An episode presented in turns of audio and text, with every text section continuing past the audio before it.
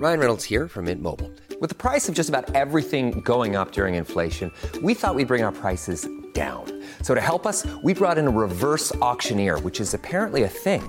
Mint Mobile unlimited premium wireless. Ready to get 30, 30, bit to get 30, bit to get 20, 20, 20, bit to get 20, 20, bit to get 15, 15, 15, 15 just 15 bucks a month. So, Give it a try at mintmobile.com slash switch. $45 upfront for three months plus taxes and fees. Promo rate for new customers for limited time. Unlimited more than 40 gigabytes per month. Slows. Full terms at mintmobile.com. Great. Jag tror att det kanske blir lite, det blir lite pladder i början också antar jag. Vi har ett år att prata om så att säga. Mm. Exakt.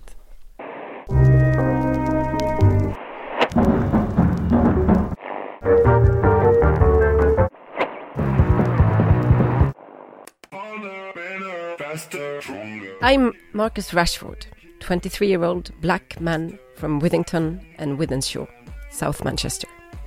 If I have nothing else, I have that. For all the kind messages, thank you. I'll be back stronger. We'll be back stronger. Simon Bank, 46-year-old white man from Kinna, Västergötland. Are you back stronger? Uh, jag är väl det. Uh, jag är från Kina och if I have nothing else I have that. Det där kan väl vara sommarens uh, Martin Luther King stipendiat. Rashford, alltså att han gjorde det efter EM-finalförlusten och hatet eh, är en sak. Det var det väl många som, det är många som har gjort det tusen gånger om. Men att han gjorde det så fruktansvärt elokvent och briljant. Det är ju, alltså hans team, för jag antar att det är ett team bakom det där, borde ju skriva andra saker än, än pressreleaser tycker man och instagraminlägg. Borde de skriva eh, poddmanus till Fotboll Radikal? Välkommen tillbaks förresten. Välkommen Stronger. tillbaks! För de, de bollade upp lite till oss också, vilket jag tyckte var eh, trevligt. Eh, vet inte hur, huruvida vi är back stronger, men vi är back i alla fall. Ja, eh, back weaker, det är talet som Rashford strök. Eh, vi är tillbaka, så är det. Och det känns ju alldeles fenomenalt att vara det. Eh, vi tog en liten paus, jag vet inte om du märkte det, någon som lyssnar. Eh, kan det vara ett år eller så kanske? Mm. Eh, barn har fötts, barnvagnar har rullats, pandemier har vädrats ut, EM-slutspel har avgjorts, OS-turneringar har gått till straffsparkar och vi har lyckats lokalisera och rekrytera någon som klipper vår podd. Så därför är vi tillbaka igen. T- eh, en tre man och kvinnor stark eh, podd, återigen. Det är vi det. Mm. Eh, känns väldigt fint. Det har känts under året som har gått att det har sannerligen inte saknats saker att prata om. Eh, så man har gått med någon slags man, om man med man menar mannen i podden, om man med mannen i podden menar mig, gått med den där sortens fantomsmärta att 46-year-old white man from Kina. If I have nothing else, I have that. Jag hade en gång en podd eh, och jag saknade den då, ofta att man hade velat ventilera saker i den. Eh, Vilket, vilket, jag tror att eh, Maradonas död var liksom min, det mesta kliet, poddkliet. Vilket hade du under förra året? Ja, det, jag tror att det var det också. Jag tror att jag hade en sån under OS-turneringen där jag kände att enda gången, jag bevakade inte OS, eh, sommar-OS första gången på 2000-talet tror jag. Och enda gången som jag kände att nu vill jag skriva var eh, efter Sveriges semifinal. Eh, jag ville skriva en text som gick ut på att jag skiter i att gå för Sverige, jag vill bara se Caroline Seger vinna OS. Eh, och när jag insåg att jag inte skulle kunna skriva om det så tänkte jag att ja, men då får man podda om det. Det fick man inte heller, men nu kan vi. Fick och fick. Fick och fick. Mm. Hur mår du, Johanna? Eh, bra. Mm. Eh, 39-year-old white woman from Ledala. Vi får väl se. Vi får väl se vad det, vad det är för siffra när ni lyssnar på den här podden. Eh, nej men jag, jag mår alldeles utmärkt. Det känns bra att vi faktiskt startar i samma rum. Det är inte så ofta. Sitter här i, på Kungsbron i Stockholm. Kommer du ihåg när vi, något avsnitt när vi inte kom på vilken stadsdel vi låg i? Någonstans mellan centrum och Kungsholmen. Ja, om, jag, om vi fick en krona för alla gånger som vi inte vetat vilken stadsdel vi legat i. Eh, du har faktiskt eh, varit inne och tafsat här lite på mina, mitt ingångsämne. Är vi redo att köra igång förresten? Spana. Jag tror att vi är det. Mm. Vi kommer inte sammanfatta året som gick, men kanske att sommaren får landa lite i podd nummer ett. Eh, bland annat för att jag har sett noll minuter fotboll den här eh, helgen. Du hade sett några minuter. Jag såg IFK Göteborg-Häcken, vilket Mm. var av och till i alla fall fotboll från Mm. Häckens sida. Mhm. Eh, just eh, det här, eh, Marcus Rashford, vi var ju, får man ju säga, båda på EM-finalen på Wembley. Eh, årets, eller årtiondets kanske, antiklimax, fast ändå väldigt, minst lika minnesvärt, kanske som om de hade vunnit någonstans. Men det, det, det som hände då var ju det som händer numera, nämligen att eh, man bränner en straff eller ja, missar ett friläge, eller vad man nu kan tänkas göra och eh, den här oerhört tröttsamma, liksom väntade dynamiken då, att man får jättemycket hat eh, för att man är kass eller för att man är svart eller för att man är kvinna eller vad du vill.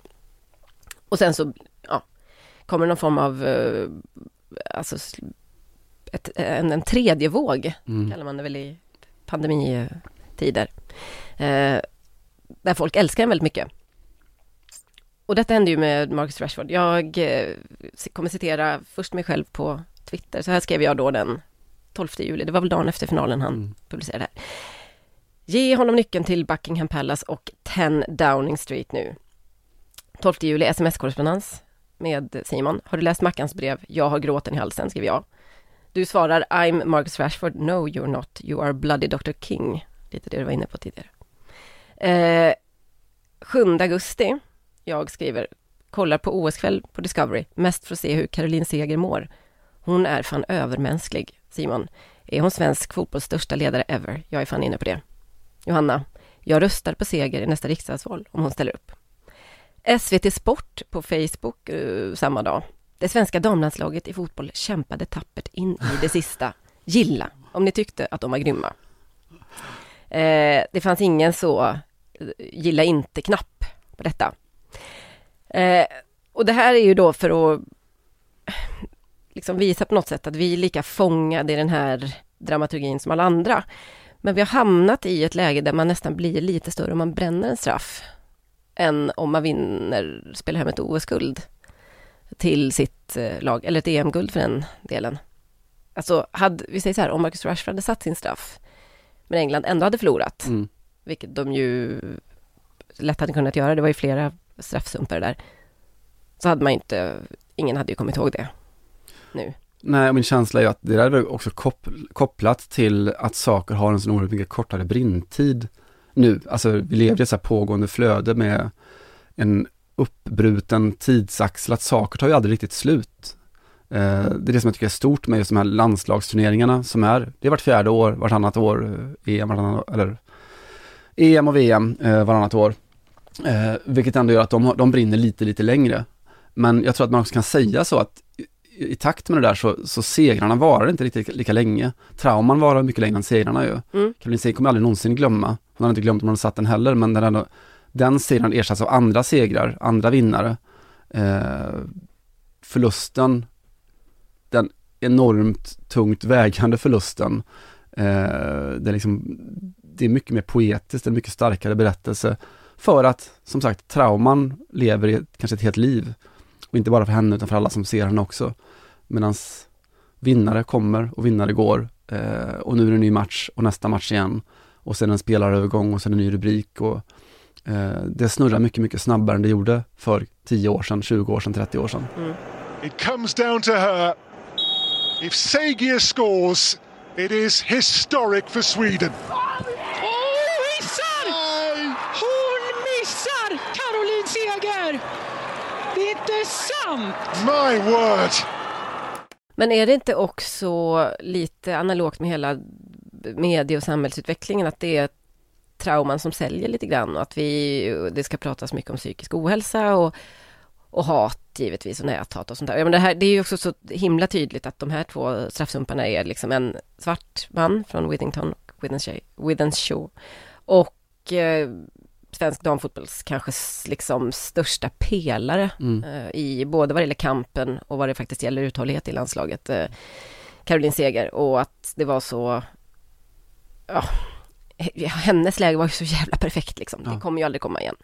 Jag, menar, jag, jag måste eh, alltså för egen del säga att jag har inte kommit över den där förlusten än och jag, det känns som att jag, jag visste direkt att det här kommer inte gå över. Nej. Det kommer liksom, all, det är då så, det här kommer aldrig gå, riktigt gå över. Det kommer aldrig vara över för oss. Nej. det är ver verkligen, verkligen, verkligen den, den känslan. Och sen tycker jag att det finns ju ett så här, du, eh, eh, jag anade din ironiska timbre när du pratade om, om SVTs eh, Facebook-inlägg. Som ju Jag måste är, älska dem. ja man måste älska dem. Mm. Du får inte hata, alltså det totala förminskandet som det innebär att tappert kämpat, In heja på, saft och dricka får ni sen.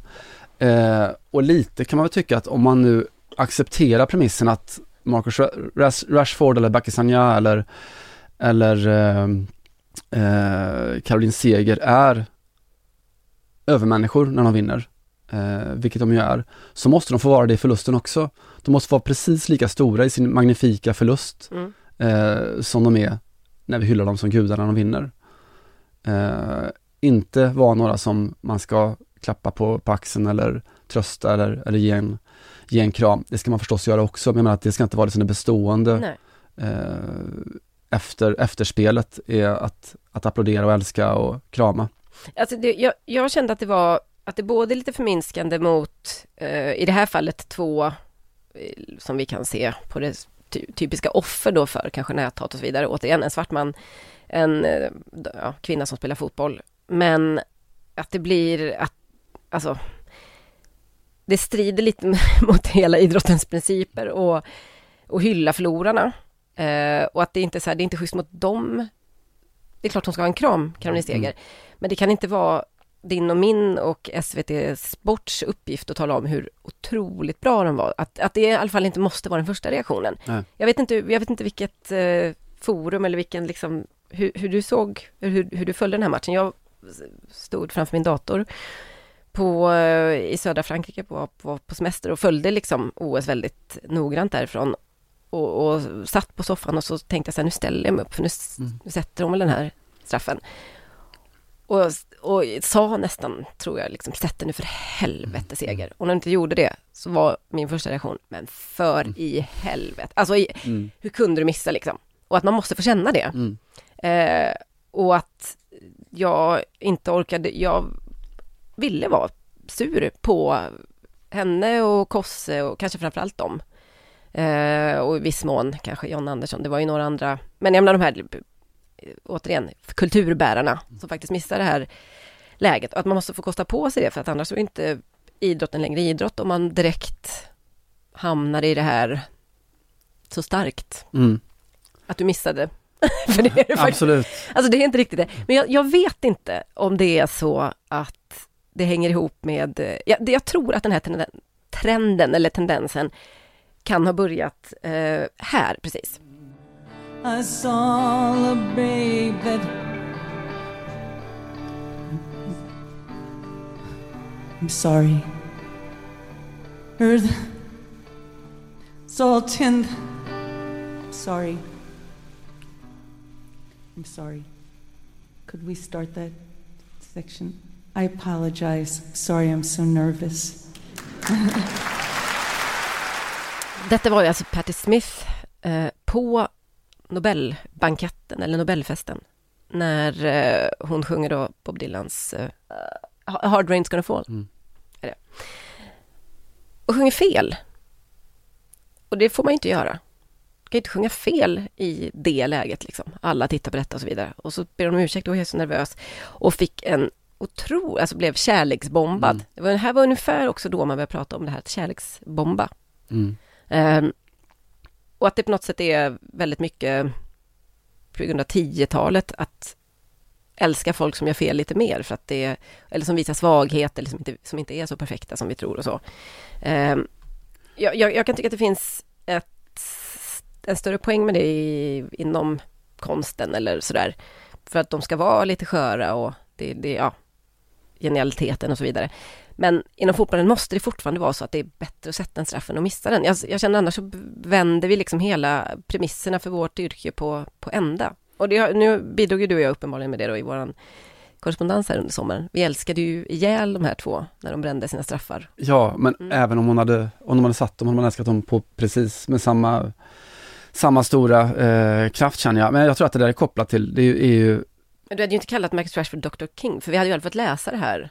Han kanske har skrivit något lika bra, eller hans team har skrivit något, lika bra Mm. eventuellt. För det är inte som att det kommer från ingenstans. Men jag tror någonstans, allt det där är kopplat till eh, berättelsen som konsumtion. Vi lever i det samhället nu, alltså influencersamhället som där all världens eh, influencers gick från att presentera sitt övermänniskoideal eh, med de filtrerade, eh, sminkade, ljussatta eh, bilderna eh, av, av Ken och Barbies där ute. Tills det inte riktigt var kommersiellt gångbart på precis samma sätt, när man insåg att du behöver en större berättelse än så, vilket ledde till kroppspositivismen eller att alla influencers var tvungna att tala om att man minsann älskade sitt eh, smågodis, att man minsann hatade sin, sin perfekta, imperfekta eh, kropp, eh, att man eh, hade sina celluliter, Mm, att det. man mådde dåligt av alla saker. Och hade man inte det så hade man i alla fall psykisk ohälsa ändå. Absolut, Mm. alltid, du måste, måste få svagheten. Mm. Vilket är, är, är jättesympatiskt på jättemånga sätt, men det hade känts mycket mer sympatiskt om det, var, om det skedde utanför den här eh, kapitalistiska kontexten där allting är, är konsumtion och ingen konsumtion eller ingen vara är starkare än den starka berättelsen. Det räcker på att lyssna på vilket sommarprogram som helst så måste det innehålla, hela den dramaturgin är uppbyggd kring eh, det stora traumat, det stora hålet, den stora bristen. Som om det vore det som gjorde någon eh, undantagsmänniska unik. Det är det som gör dem till, till människor, men du står ju inte där för att du är en människa, du står där för att du är någonting annat än en människa, att du är en unik eh, idrottare, prestationsmänniska, artist eller vad du nu vill. Mm. Det, jag tycker också det är intressant och det är väl oundvikligt kanske hur både Rashford i det här långa brevet som han publicerar, som, precis som du säger, var ju helt fantastiskt. Och hur Seger, eh, när hon, ja, till slut pratar om det här, hur, hur de, att de också lägger upp det lite på det sättet. Så jag visste att, han skriver bland annat att jag, vad ska jag säga, jag stod där 55 år, hade gått. Alltså du vet att han suger in allt det där. Mm. Jag inbillar mig att för 15 år sedan hade man sagt så här, ja det är en jävla boll, ibland går de in, ibland går de ut liksom. Jag är jätteledsen och tråkigt med hela det engelska folkets eh, förväntningar och så, men nya tag Mm. och så. Men de båda, framförallt han, inkorporerar ju verkligen hela narrativet, eller vad fan vi ska kalla det, om. Det är som att de ser sig själva utifrån. Där stod jag. Eh, Som del av en berättelse. ja, Ja. och hade kunnat liksom ta Sveriges första medalj. Eh, globala fotbollsguld någonsin. Eller sen OS 48. Ja, Mm. precis.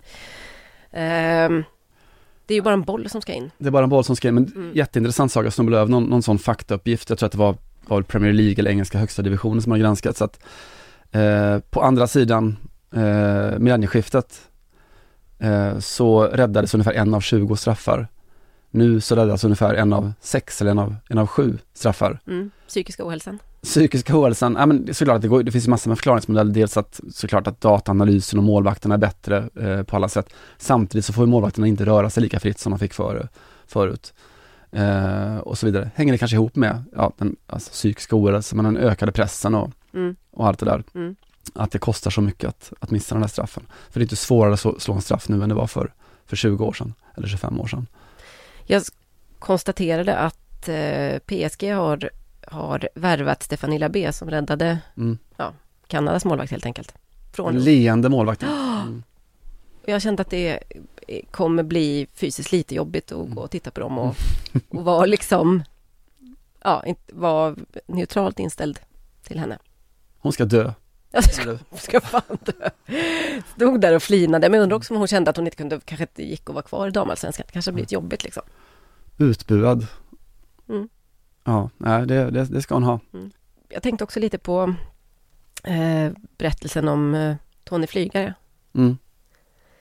En gång var jag bättre än Zlatan och så vidare. Zlatan, ja ni vet hans gamla liksom ler och långhalm-polare.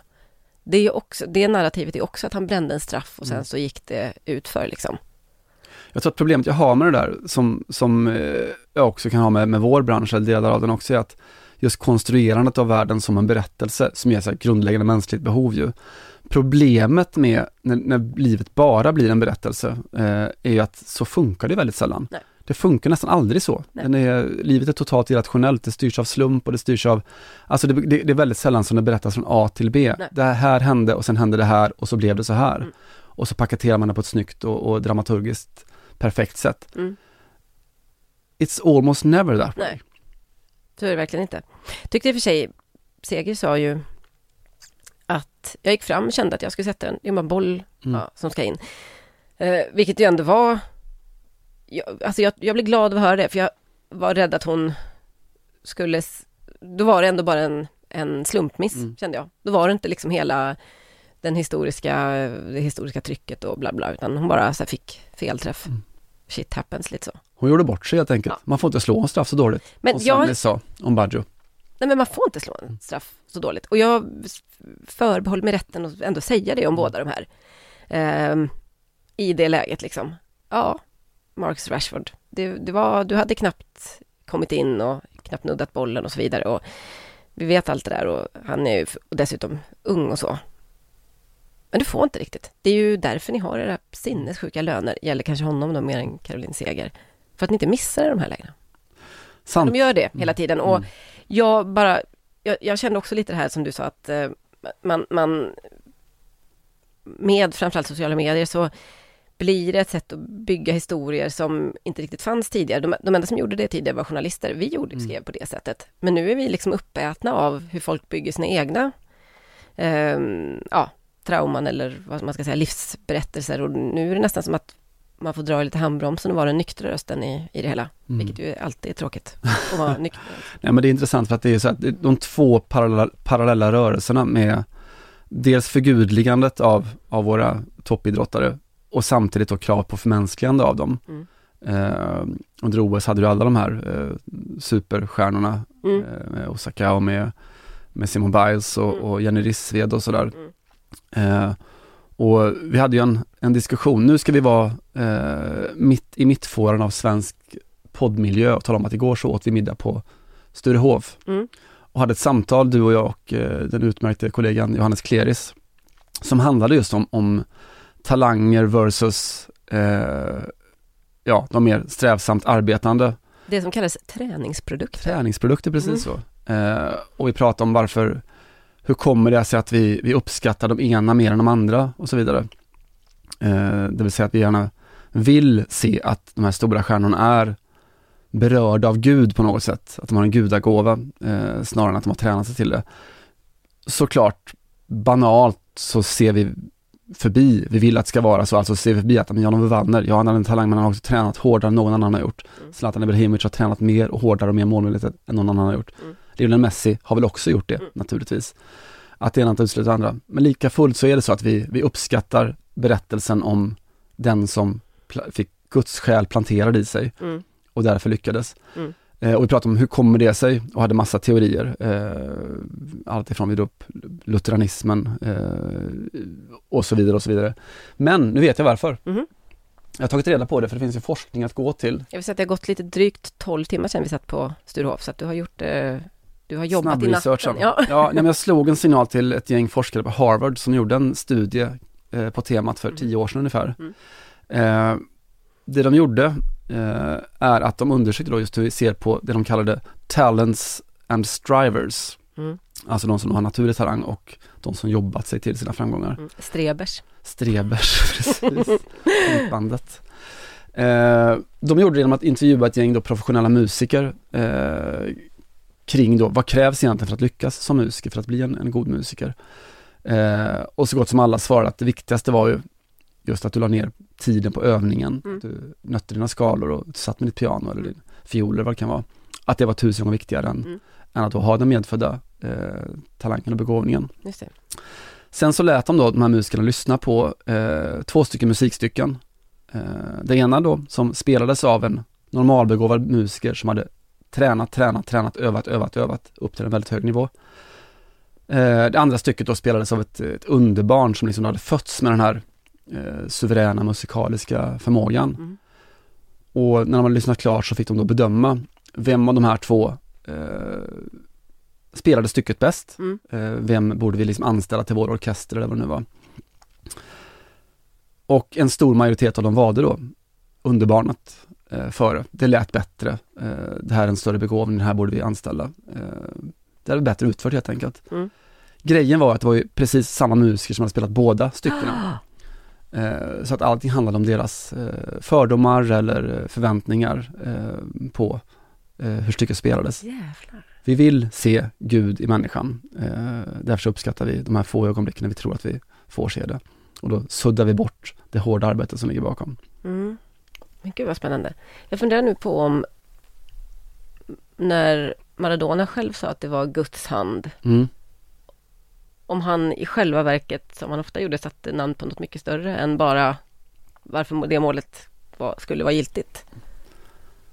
För det var ju någonstans, det är ju liksom någonstans precis den känslan av att han var lite så rö- rörd av ett, ett, ett, liksom en högre makt. Det var det som gav honom hela hans, hela hans aura, hela hans talang och allt det där. Ja, Mm. nej, men Maradona var ju, hade ju den där förmågan som Bra eh, content. väldigt få har, att, att bygga content och att hitta, han bara slängde väl ur sig någonting, Mm. men att det, det var någonting som, som levde och ekade i, i evigheten. Just det. Eh, Men en liten uppmaning då till SVT Sport på min, min gamla arbetsgivare på Facebook. Ge oss en sån tumme ner-knapp, vi som tyckte att det var inte så jävla bra att bränna så mycket straffar när Sverige stod där och hade chansen att ta ett OS-guld. Girls. dislike. Dislike. Mm. Precis. Och Patti Smith för övrigt tycker att du hade kunnat sjunga rätt på Nobelfesten. Får inte göra det så dåligt. Nej. Han gör bort sig här helt enkelt. Man får inte lägga en straff så dåligt som han gjorde. Jo, eh, det vi inte har poddat eller pratat om eh, under sommaren, vi har inte gjort, alla andra har gjort det, är ju såklart det som eh, att vi har upplevt våra livs och alla livs största då, transfersommar. Eh, eh, världens alla stora spelare byter klubb i princip, eh, eller är på väg. Eh, Messi har gjort det, Cristiano Ronaldo har gjort det, kanske inte blir någon USA-turné för Manchester United nästa sommar Ost, ost. på grund av det. Eh, och Kylian Mbappé kanske eventuellt gör det, eller har gjort det när ni hör det här. Mm. Och pengarna far åt alla håll och sådär och det Jag kan, vill bara citera och det här är, är banalt men i alla fall det var då som jag började tänka på vissa saker, ett, en Twitter-konversation som är, har snart ett år på nacken. En eh, fransk neurokirurg som heter Laurentin som twittrade så här. PSGs målvakt tjänar 6 miljoner i månaden. Eh, en sån årslön motsvarar 361 årslöner för ett sjukvårdsbiträde, 267 år för en sköterska, 89 år för en allmänläkare och så vidare och så vidare. Och han fick svar av Mikael Correa, en eh, journalist då på den här granskande sajten Mediapar, vänstersajt, eh, som ville nyansera diskussionen något och skrev att 2% av alla professionella fotbollsspelare tjänar över 7 miljoner per år. 45% av dem tjänar under 10 000 i månaden. Hälften får sin lön för sent och snittlängden på ett kontrakt är 22 månader. Det finns en överrepresentation av ångest och depression i yrket jämfört med övriga befolkningen.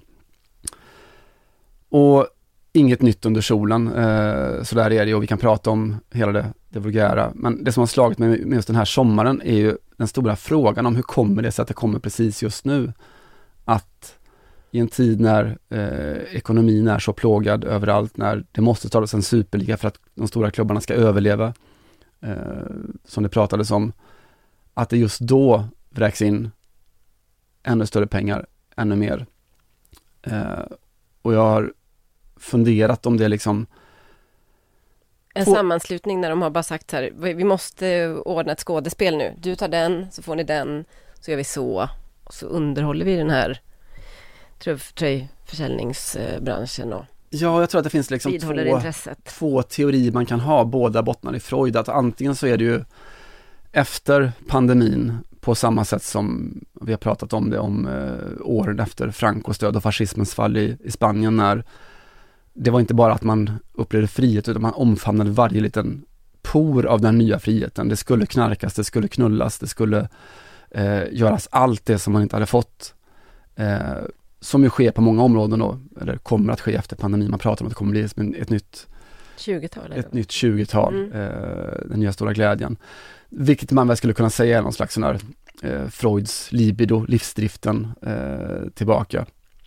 Så antingen så är det ju det, den, den freudianska analysen är ju att antingen så är det är det, det vi ser, eh, eller så är det eh, det väl Freud kallar för dödsdriften. Mm. Eh, att vi vill se skiten eh, brinna. Freud hävdar väl att det där uppstod liksom när, när människan ser eh, eller upplever eller får en inblick i att livet faktiskt är ändligt och kommer ta slut. Eh, att det är då liksom som man får den här undermedvetna impulsen om att då, ja, försöker vi i princip utplåna oss själva. Vi söker oss till eh, att eh, återuppleva mörkret, att vila i mörkret, att eh, ja, Förstöra planeten. Ja, Freud själv upplevde väl, han, hans teori kommer från att han träffade soldaterna som varit ute i första världskriget som inte förträngde det de har varit med om, eh, utan konstant återupplevde livet eller döden från skyttegravarna och inte kom vidare och han kom fram till att det, att den kanske är den starkaste driften vi har, att ner, ner och ännu längre ner i, i mörkret strävar vi. Så jag vet inte om det är det som Paris Saint-Germain eh, Real Madrid, Manchester United och alla de gör. Att ska det gå åt helvete så låt det gå åt helvete Med Till- musik eller? till musik. Say hello to a new era of mental health care. Cerebral is here to help you achieve your mental wellness goals with professional therapy and medication management support. 100% online. You'll experience the all new Cerebral Way, an innovative approach to mental wellness designed around you. You'll get a personalized treatment plan from a therapist, prescriber, or both in a safe and judgment free space.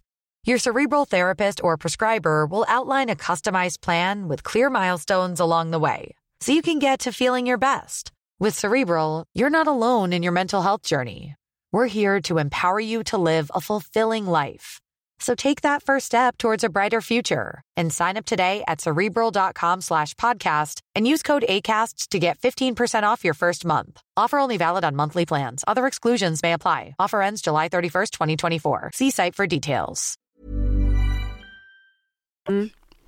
Eh, det kanske kopplat till vi pratade om förut, att traumat faktiskt är, är, ger större intryck än vad, än vad vinsterna gör.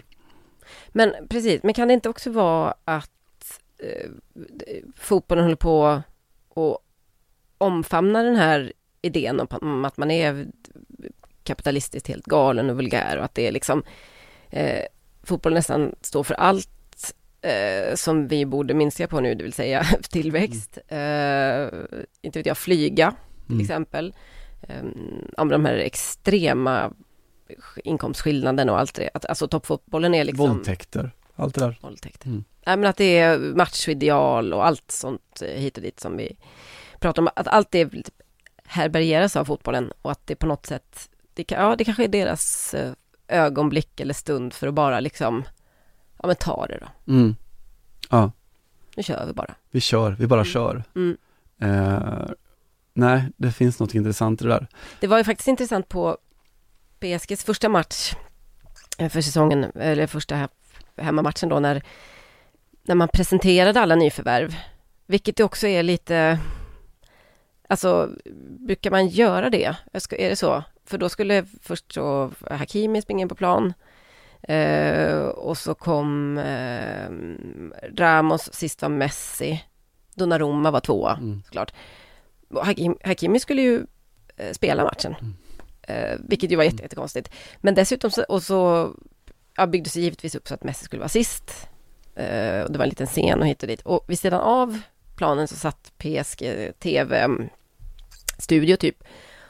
Och hade då flugit in Javier Pastore som lite så här uppvärmningsakt på något sätt. Han skulle liksom snacka igång eh, den här cirkusen. Och sen så gick Donnarumma, efter att han blivit presenterad på inneplan på den här lilla scenen och de hade tagit bilder och så. Också så här, de, det, stod, det var två barn som bara stod där, som de fick i famnen på något sätt. Ja, det var väldigt konstigt. Ja, här, i- ja, här är ett I barn. bilden. Och sen så gick Donnarumma direkt till eh, PSG TV-studion och satte sig för att liksom svara på frågor. Och 30 meter därifrån värmer Keylor Navas upp och ska spela match.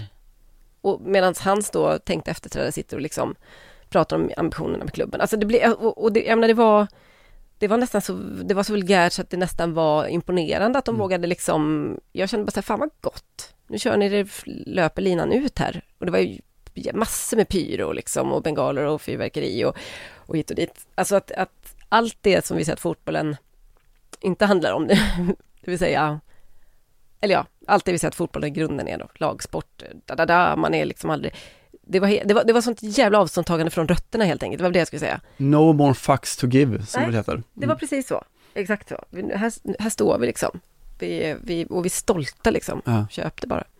Eh, vi är stolta över att vara äckligast. Ja. Och vi skiter i alla era idiotiska idéer om att det ska vara lite så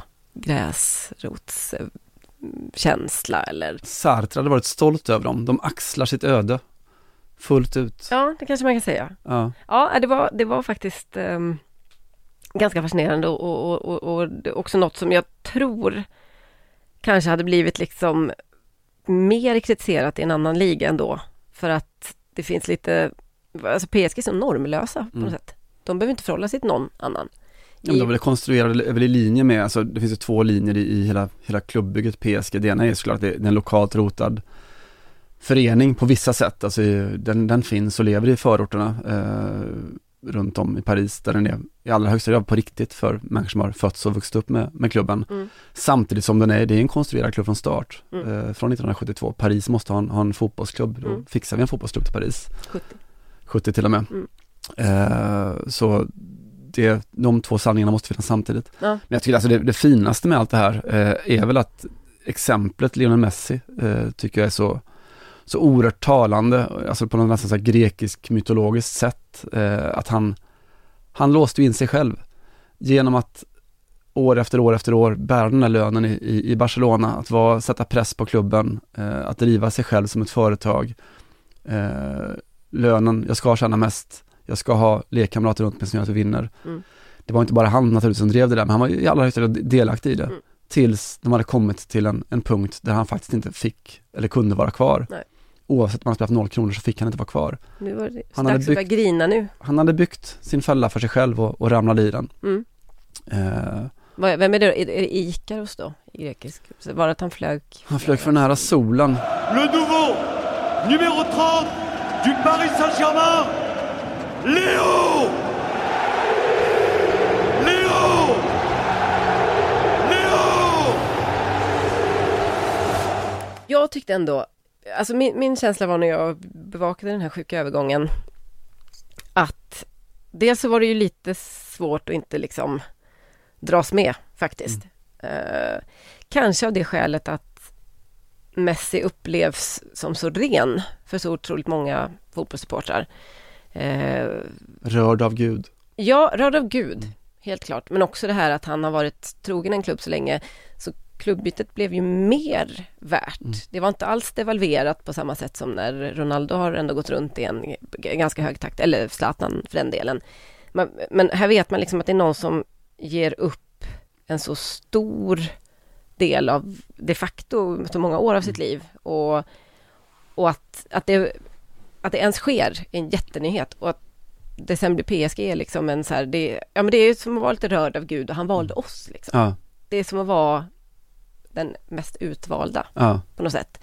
Ehm, och jag tror att det var det var det som, nu finns det ju inget större. Det här kommer ju aldrig gå att matcha, men PSG har ju liksom växlat upp. Först så kom uh, Zlatan då givetvis, eller kanske, först kanske man tog in Ancelotti och så kom Zlatan och liksom ja, Beckham och sen så kom det här liksom Neymar och Mbappé. Men det här var liksom sista steget. Det var fortfarande så att det gick att och, och locka ut folk på, alltså som var helt lyriska på Mm. gatorna. Det hade det- inte blivit om det hade varit Ronaldo. Nej, det nej, och det- han är inte ja. ren på samma Nej. sätt. Eh, Och han, han har inte, och, och det är också bilden av Messi att han är ödmjuk till exempel. Eh, äkta. Att han är liksom lite, lite, att han är blyg och ja, det är bara, det är bara det här, det är bara den här rena talangen, kärleken till klubben, tårarna på Barcelonas presskonferens. Och så kommer han hit. Mm. Men det är eh, Jesus steg ner, klev ner, Ja. lite så. Före bilder är bara bilder som en svensk poet eh, har rappat. Eh, och jag tror att just det, du, du rör vid någonting just det där med, med renheten, alltså vår, vår tids strävan efter renhet, att vi vill låtsas som att världen inte är, är fullt ut komplex, att PSG måste vara det ena eller det andra, de får inte vara både och. Eh, Messi ska vara det ena eller det andra, han får inte vara både och. Eh, jag tänker ofta, väldigt ofta till det mest, kanske mest tydliga exemplet är, ta Jürgen Klopp som exempel, som då lanserades som hela världens underbar mysfarbror med fötterna nedkörda liksom i den västfaliska jorden och han var han drack bärs och han opererade håret utan att skämmas för det och han, eh, han hängde med support, han dansade disco efter Champions League-finalen. Och allt det där. Och sen kommer eh, backlashen med att, ja men han är ju bara fake för att han fräser också åt journalister, han är otrevlig mot supportrar. Ergo Klopp en jävla gris Mm. som bara fejkar alltihopa. Som om det inte vore fullt möjligt att Jürgen Klopp kanske är en tredimensionell människa som både är rotad i Västfalen, som Mm. är en underbar kille som man gärna har tagit en bärs ihop med. Mm. Samtidigt som han kan vara ett jävla svin också. Mm. Att du måste välja sida för eller emot. Mm. Ta Gigi Buffon för att gå vidare Mm. från, Ja, från, jättebra eh. Mm. från Paris. Den här stora berättelsen som vi nu älskar att berätta, att han, han återvänder till sitt Parma i Serie B, sluter sin cirkel. Vad händer när Buffon blir klar för Parma? Det sitter en banderoll utanför Tardini där det står liksom din jävla Judas, kom inte hit. Mm. Från en, en ultrasgrupp i, i Parma. Som inte har glömt att han drog från Parma till Juventus för 200 år sedan. Eh, det finns alltid både och, eh, nästan alltid. Mm. Eh, med väldigt få undantag. Mm. Harry Kane kanske är den undantaget då. Marcus Rashford. Som är ren. Caroline Seger. Som alltid velat spela i sitt älskade Tottenham. Just det. Eh, det, det Okej, okej. det här är ett annat ganska bra tema. Fast han verkar ju ändå ha kommit undan lite med, vad ska man säga, det är inte så att han kommer behöva göra någon Golgatavandring. Det finns väl inga alternativ. Det är liksom som, jag vet inte om det vi som pratade om, men hur, hur gör man egentligen när man så uppenbart har velat bort, lämna Ja. någonting och sen kommer tillbaka? Jo men, låt mig tala för hela ett, ett, eh, ett manligt kollektiv eller ett kvinnligt säkert också.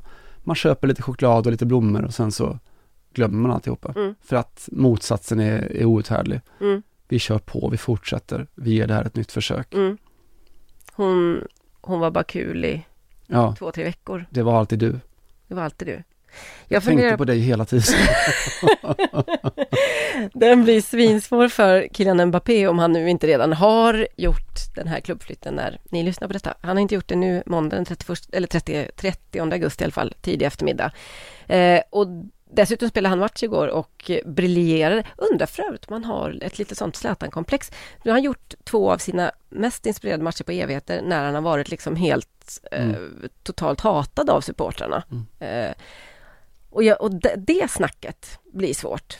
Och om det är så att de inte hittar liksom en överenskommelse och han ska fortsätta. Men om, för det enda jag inte trodde om honom var väl att han hade den djävulen i sig, alltså att spela bra fotboll. Jag älskar, jag älskar när de visslar. Mm. Att jag lever. Att han är den liksom. Nej. Jag, men, men det kanske är eh, en, en lite oväntad Zlatan-sida av eh, Mbappé. Jag vet att Neymar sa ju när han var tydlig med att han ville gå tillbaka till Barcelona för två, två tre somrar sedan. Eh, två är det väl. Då sa han ju så här, jag vet att jag varje hemmamatch kommer bli som en bortamatch för mig den här säsongen. Och så höll han, så knep han igen liksom och spelade bra eh, i så pass lång tid som behövdes, vilket inte är så länge. Supportrar är ju, det är ganska Mm. snabbt liksom bortglömt om man gör laget stora tjänster. Men ja, nej, Mbappé kan få en lite av en uppförsbacke om, om det blir så att det blir han och PSG en, en säsong till. Mm. Får jag göra en sista sån inpass innan vi vänder blad? Ja, jag har en, en grej kvar, men du får göra ett inpass. Ja, du kan, du kan fortsätta innan vi vänder blad.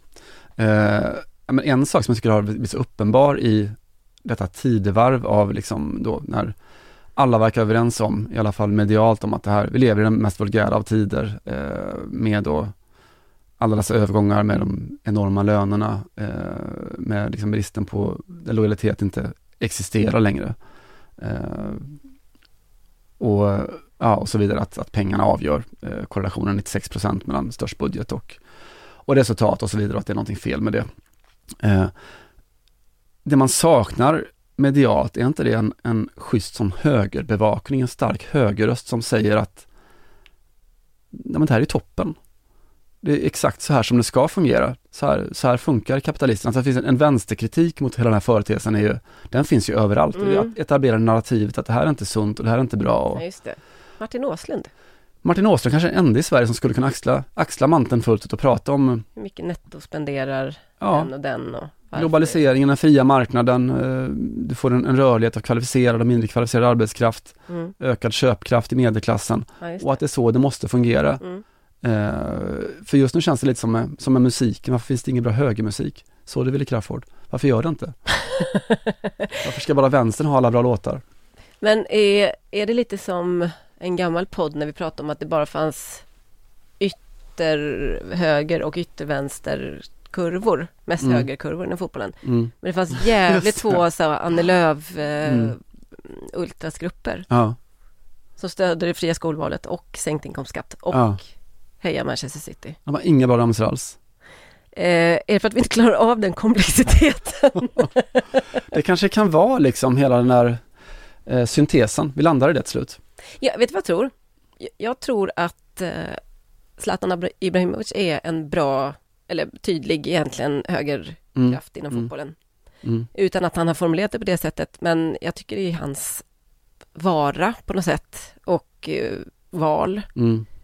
Visar ganska tydligt Mm. att det, det handlar, alltså du har ju allt där. Individ, den här extrema individkulten. eh, Alltså hur han har bara byggt på sig själv alltid. Mm.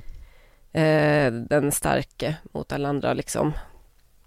Och vikten av att inte ha några Mm. lojaliteter eller vara egentligen solidarisk med någon. Man flyttar runt, ja man spelar landslaget för det är en ära. Men Mm. det är också en, det är ju en, det är inte en liberal, men det är ju en gammal högerkonservativ idé att man ska representera ett land och att det finns ett högre värde av det. Fast Zlatan är ju en perfekt, varför har de inte, varför har inte SD tagit honom? Det kommer jag på varför de inte har gjort det. Just det. Ja, just det. Just Ja, det. det fanns det. Men, men det är en, en Zlatan Ibrahimovic, en, en stark eh, högerkraft inom svensk fotboll. Ja men det, det finns ju någonting. Alltså jag... Colak är stark, Birmancevic är tuff.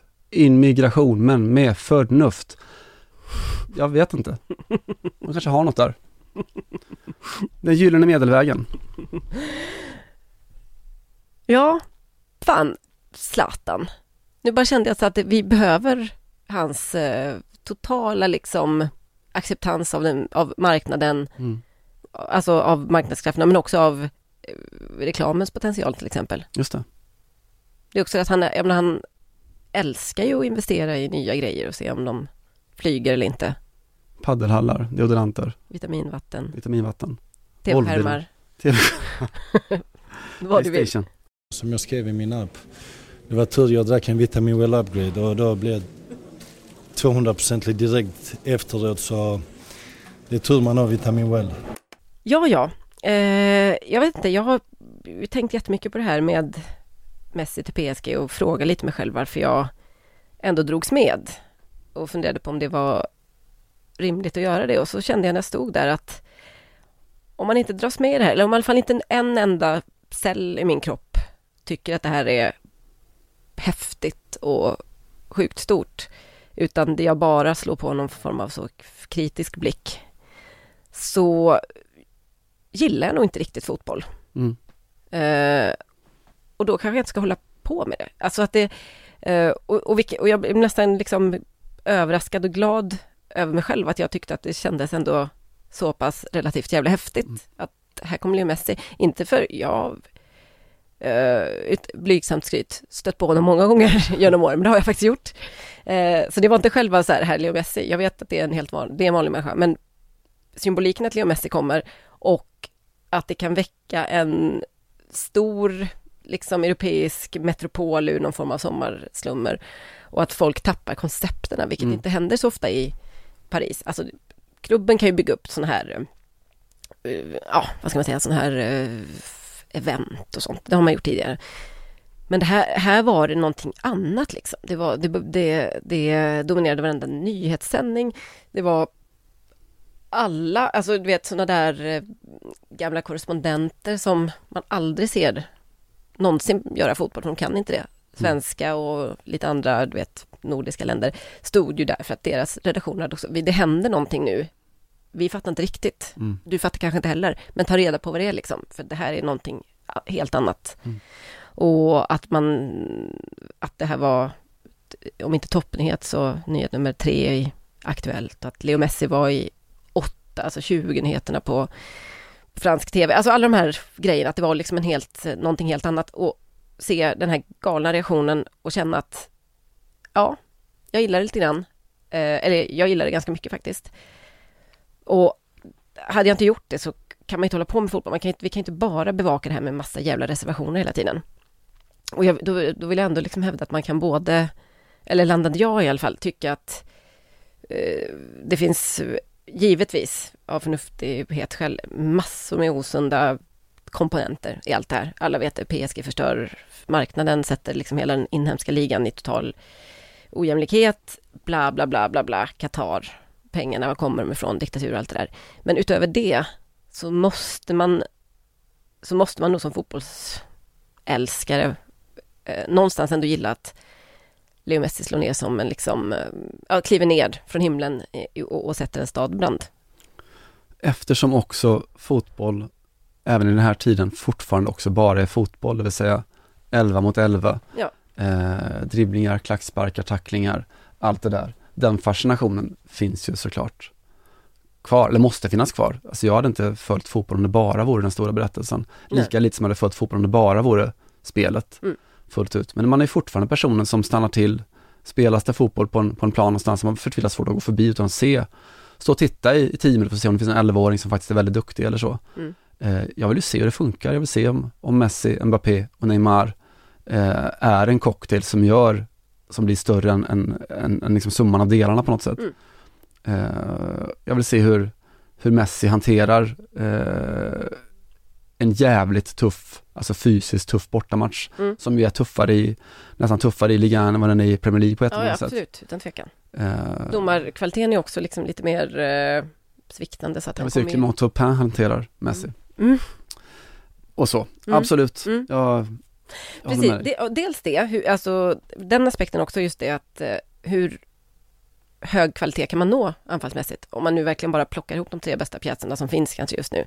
Eh, så det är spännande, men också tyckte jag, som när jag var på plats utanför, och se liksom de här kidsen som skriker ut sin lycka över detta och eh, som älskar den här klubben och följer den och inte sitter i liksom förorten i Sarcelles och tycker att Qatar är skit liksom.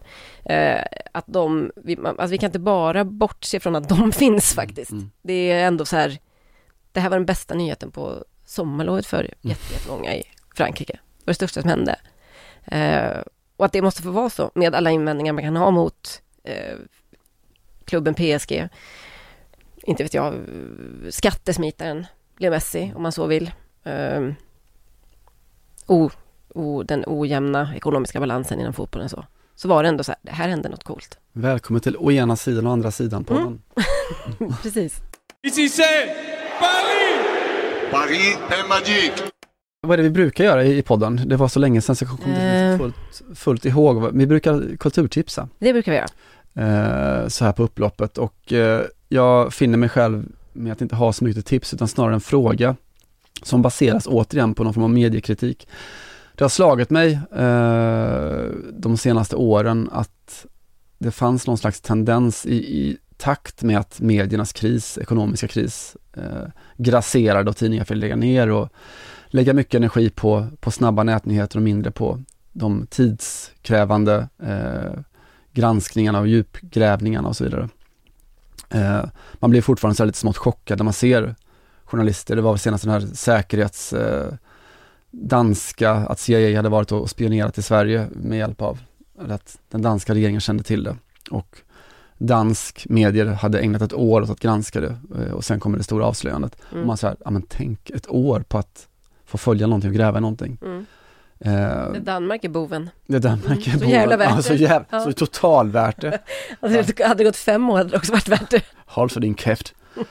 eh, och det finns såklart, det händer då och då, alltså vi har Josimar, du har Mediapart som pratade om förut, Der Spiegel apropå eh, vissa fotbollsspelare och så som har, har kunnat lägga den, den tiden på, på granskningar. Mm. Annars har jag upplevt att de som har kunnat göra det jobbet istället för, när journalisterna inte har kunnat göra det, har varit konstnärerna i väldigt hög utsträckning. Eh, vi har haft Anna Odell som kan liksom granska psykvården i Sverige eh, genom en, en, en konstnärlig film eller installation. Paul Mm. Hollander som åker till Afghanistan och jagar efter någon, någon, någon ung pojke han har träffat, blir skjuten i armen och lägger mycket tid och, och resurser på det. Eh, för att ta ett aktuellare exempel här, Nomadland, eh, fantastiska film, har du sett den? Nej. Eh, det kommer att göra, som väl baseras på en bok då, där författaren har åkt runt och liksom följt då gigekonomins eh, nomader eh, och levt som en av dem under, under flera, flera månaders tid och sådär. Ja, just det. Det som journalistiken sällan har, har tid eller råd, eller Mm. tycker sig ha tid och, och råd att göra. Eh, det kan konsten göra för att de, ja, de skiter väl i pengar antar jag. De kan liksom leva på vatten och bröd för att det, det är värt det, allt för konsten Mm. eh, och så vidare. Så då tänker jag lite med, med ett. Lär pour lär. Lär pour lär. Mm. Eh, med Fast då, inte riktigt då faktiskt. Nej, den har väl ett Den- högre syfte kanske. För den, det, det handlade ju om att det bara, konst bara skulle få vara konst och, in, och inte vara politik. Så att, eh, Tvärtom då. ja tvärtom, å ena sidan. Lär pour le monde. Ja. Eh, med ett år kvar, eller lite mer till, till Qatar, eh, det som alla drömmer om att kunna, kunna granska fullt ut, men jag vet inte hur många som kommer att ha resurserna. Så undrar jag lite vad, vilka konstverk vill vi se som gör granskningen av, av Qatar? Exempel. Ska Simon komma med förslag först så får du fundera. Okej. Eh, jag har, det jag önskar mig kanske mest av allt är väl alltså arabfotbollen i, i VM-sammanhang, det största ögonblicket. Eh, och det första ögonblicket jag minns är väl Qatars, förlåt, Kuwaits VM-debut, eller enda VM-mästerskap i 82 i Spanien. Mhm. Eh, när de möter Frankrike, jag tror att de, jag tror att de gjorde någon sån här succé. Eh, första matchen gick bra, jag vet inte om de tog poäng kanske till och med eller Mm. eller förlorade knappt, så de var liksom, de hade hävdat sig på den högsta nivån. Möter Frankrike i match två, eh, släpper in 3-1 eller 4-1 eh, på ett tveksamt sätt. De släpper in det för att deras spelare slutar spela för att de har en visselsignal som kommer från läktaren och inte från domaren. Mm. Inte från den sovjetiska domaren. Eh, och blir förbannade och det slutar med att då den kuwaitiske prinsen eh, kliver ner på planen, eh, går fram till domaren och säger att blås bort det där målet annars så drar vi hem. Var på målet, gjord av min älskling Chires, eh, döms bort och Mm. matchen går vidare. Mm. Cirkelslutningen jag vill se är väl i Qatar att eh, när då eh, Frankrike kommer till arabvärlden för att spela VM-fotboll, möter Qatar i första matchen. Mm. Då vill jag se Frankrikes ja, nye president blir det då va? Eh, ja. Val nästa år. Mm. Eh, gärna Marine Le Pen då. Mm. Kan få vara Macron också. Som då när Qatar gör 1-0 i premiären, kliver ner och säger att nu drar vi hem. Eh, om du inte dömer bort målet. Mm. Eh, kan vi se det hända-? Eh, ja, alltså Macron för sitt stora fotbollsintresse givetvis. Jag upplever att han sätter faktiskt fotbollen lite före övriga uppdraget. Eh, och Och har goda sympatier också får man säga. just det. Mm. Eh, och Le Pen för sin osvikliga patriotism. Mm. Men, vill jag också påstå, beror lite på hur många araber eh, som är med i laget. Just det, Ja. sant. Kanske, de har kanske en, ja det finns ju ändå Döm in må, mål, målet kan man säga. Ja, lite Mm. så kan det vara. Men då vill jag lägga till att jag tror, eh, rätt mig om jag har fel, att Zidane Materazzi-skulpturen Mm. står i Qatar numera. Sant. Mm. Så att ställa den på liksom hedersplats på Frankrikes första match, bara som en liten sån en, en liten närvaro, en liten Ja, historisk det. närvaro. Guds hand, Ja, och så vidare. Guds skalle. Mm. Eh, den tycker jag om. Mm. Jag tycker också om tanken på en, någon som tar sig för att hänga med fotbollsspelare, de här protesterande kollektiva fotbollsspelare på deras semester i Dubai.